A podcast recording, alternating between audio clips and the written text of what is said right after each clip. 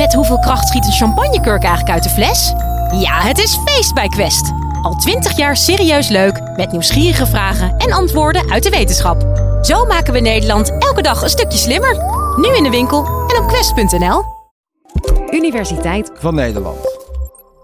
Kun je het je voorstellen? Je wordt ontvoerd of gegijzeld en raakt dan bevriend met of zelfs verliefd op de persoon die je vasthoudt. Klinkt onwaarschijnlijk, maar toch is er een naam voor dit fenomeen: het Stockholm-syndroom. Je komt de term vaak tegen. Bijvoorbeeld in de wereldwijde hitserie La Casa de Papel. What do you mean love? Are you a complete idiot? Huh? You've heard of Stockholm syndrome, haven't you? No, Nairobi. Okay, I'm sorry. I don't know anything about that. Of in popmuziek.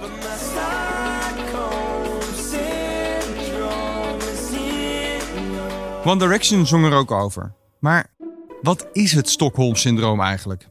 Stockholm-syndroom is een psychologische reactie. Dus er gebeurt iets in je hoofd. En het betekent dat je je uh, heel erg identificeert met degene die je gijzelt. Dat je eigenlijk een enorme verwantschap voelt met die andere persoon. De relatie die dan ontstaat, dat spreekt natuurlijk heel erg tot de verbeelding. En dat betekent vaak ook dat je hele negatieve gevoelens ontwikkelt naar de personen die er eigenlijk zijn om je te redden. Dit is Ellen Giebels, psycholoog aan de Universiteit Twente.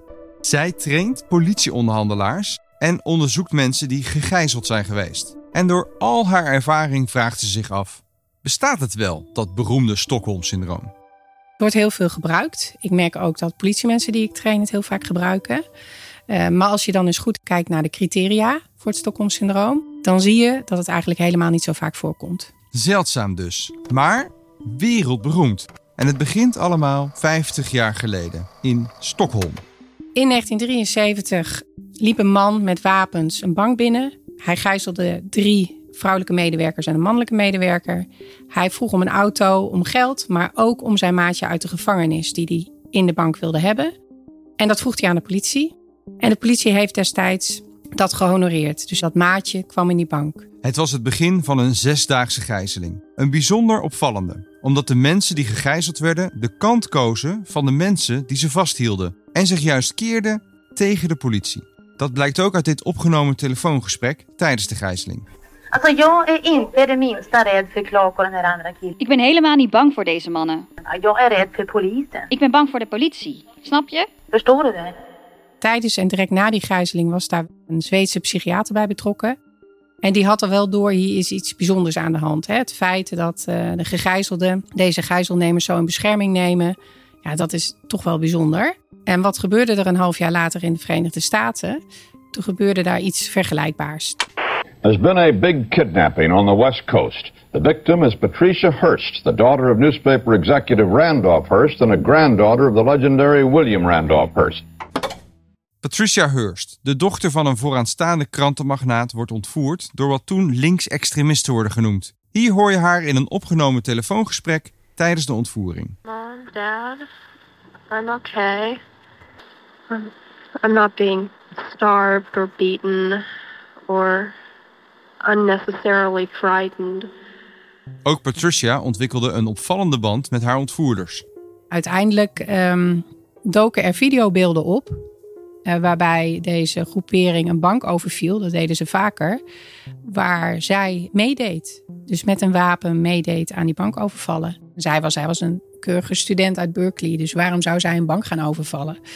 Dus het feit dat zij dan in één keer een heel ander pad kiest. En eigenlijk zichzelf ook als onderdeel ziet en neerzet van deze groepering. Dat zou wel kunnen wijzen op het idee van het Stockholm-syndroom. En toen dat een rechtszaak werd, ja, toen ging de media zich er ook mee bemoeien. En toen werd dat Stockholm-syndroom een term die echt ging leven. Toch twijfelt Ellen of het Stockholm-syndroom überhaupt wel bestaat. Een band opbouwen met je ontvoerder, dat is op zichzelf niet uitzonderlijk. In de meeste uh, gijzelings- en ontvoeringssituaties zie je, dat blijkt ook uit mijn eigen onderzoek, dat je uh, ook positieve dingen aan iemand kunt zien, zelfs in zo'n situatie. Kijk, je moet natuurlijk niet ernstig mishandeld worden, uh, maar als iemand toch op momenten aardig tegen je is, uh, je wat begrip op kunt brengen en je gevoel hebt dat die ander jou laat leven, hè, want het is eigenlijk ook een soort dankbaarheid dat die ander jou in leven laat in zo'n ernstige situatie. Ja, dan is het helemaal niet zo gek dat dat soort gevoelens ontstaan. Je bent eigenlijk maar met één ding bezig en dat is overleven. Ja, en dan doe je alles om te kunnen overleven. Dus het is ook heel verstandig in zo'n situatie om uh, een goede band te ontwikkelen met degene die jou vasthoudt. Het punt is eigenlijk als dat blijft bestaan nadat je uit die situatie bent. En zo was het in het oorspronkelijke Stockholm-incident in de bank.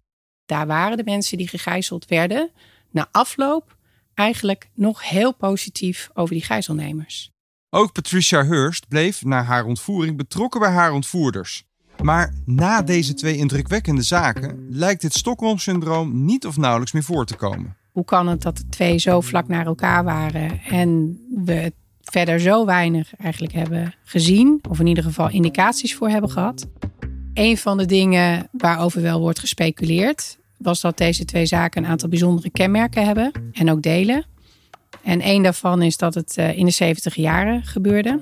Dat was een beetje de flauwe power tijd plus, denk ik. Veel tegen het kapitalisme. En deze mannen waren, werden misschien ook gezien als, en deze groeperingen als een soort Robin Hoods. Kwamen op voor het volk, voor de armeren. En er was dus ook veel sympathie in de media voor hen.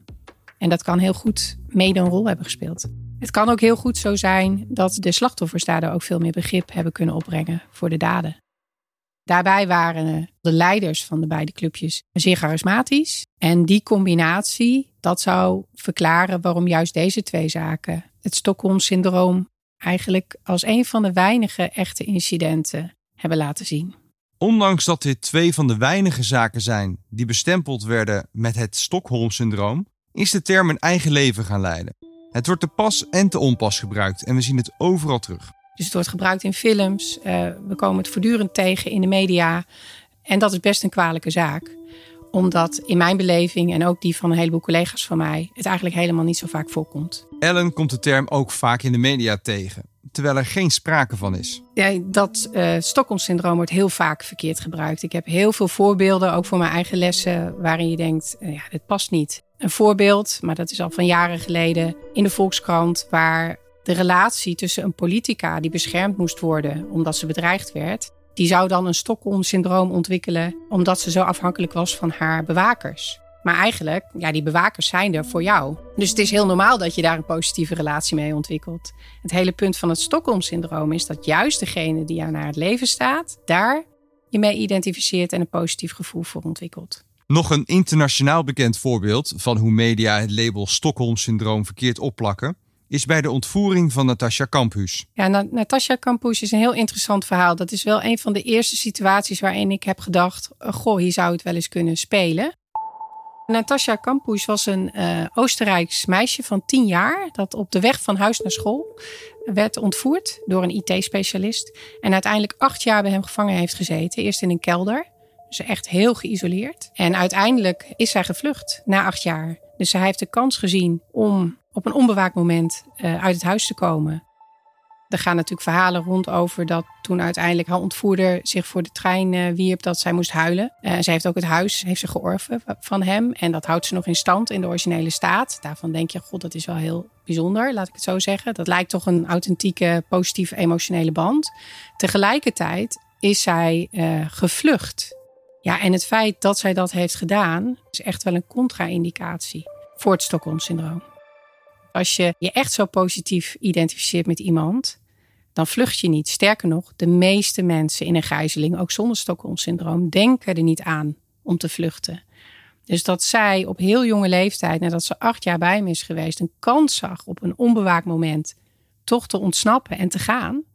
Ja, daarvan zeg je nou, dat, dat spreekt eigenlijk het ontstaan van het Stockholm-syndroom tegen. Door het feit dat wij er met z'n allen zo makkelijk over praten en zo'n etiketje heel makkelijk opplakken.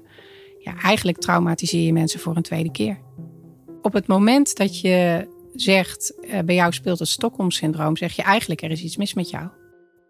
Dus ik probeer ook zelf in contacten bijvoorbeeld met de politie of in de opleiding van de politie waar ik bij betrokken ben, aan te geven: wees daar nou super voorzichtig mee, want je traumatiseert mensen misschien wel voor de tweede keer. Onnodig. Oké, het is dus verstandig om een band op te bouwen met je gijzelaar. En uitzonderingen, zoals in Stockholm en in Amerika met Patricia Hearst, die komen nauwelijks voor. Kun je dan eigenlijk wel spreken van het bestaan van dat beroemde Stockholm-syndroom? Ja, dat is bijna een uh, ja, filosofische vraag, denk ik. Bestaat het als het één keer is vastgesteld, misschien, hè, met min of meer zekerheid? Of moet een x aantal zaken deze kenmerken hebben? Dat is ingewikkeld. Het is in ieder geval wel zo dat de meningen er heel erg over verdeeld zijn. Maar wat ik mee zou willen geven en wat ik heel vaak natuurlijk doe, is zeggen: wees heel erg voorzichtig met dat label. Realiseer je dat mensen in zo'n situatie die dat hebben meegemaakt, iets heel ernstigs hebben meegemaakt. Dat je niet weet hoe je zelf zou reageren als je in zo'n situatie zit. En wees gewoon niet te oordelend daarover. Want heel vaak um, zijn juist de reacties waar wij over oordelen. Zeggen van nou, hoe kan je nou positief praten over iemand? Zijn eigenlijk juist hele gezonde situaties. En je helpt mensen niet door ze dat etiket op te plakken. Bedankt Ellen voor al je uitleg. En jij bedankt voor het luisteren. En vergeet je niet in te schrijven voor onze nieuwsbrief. Er staat een linkje in de beschrijving. Tot de volgende!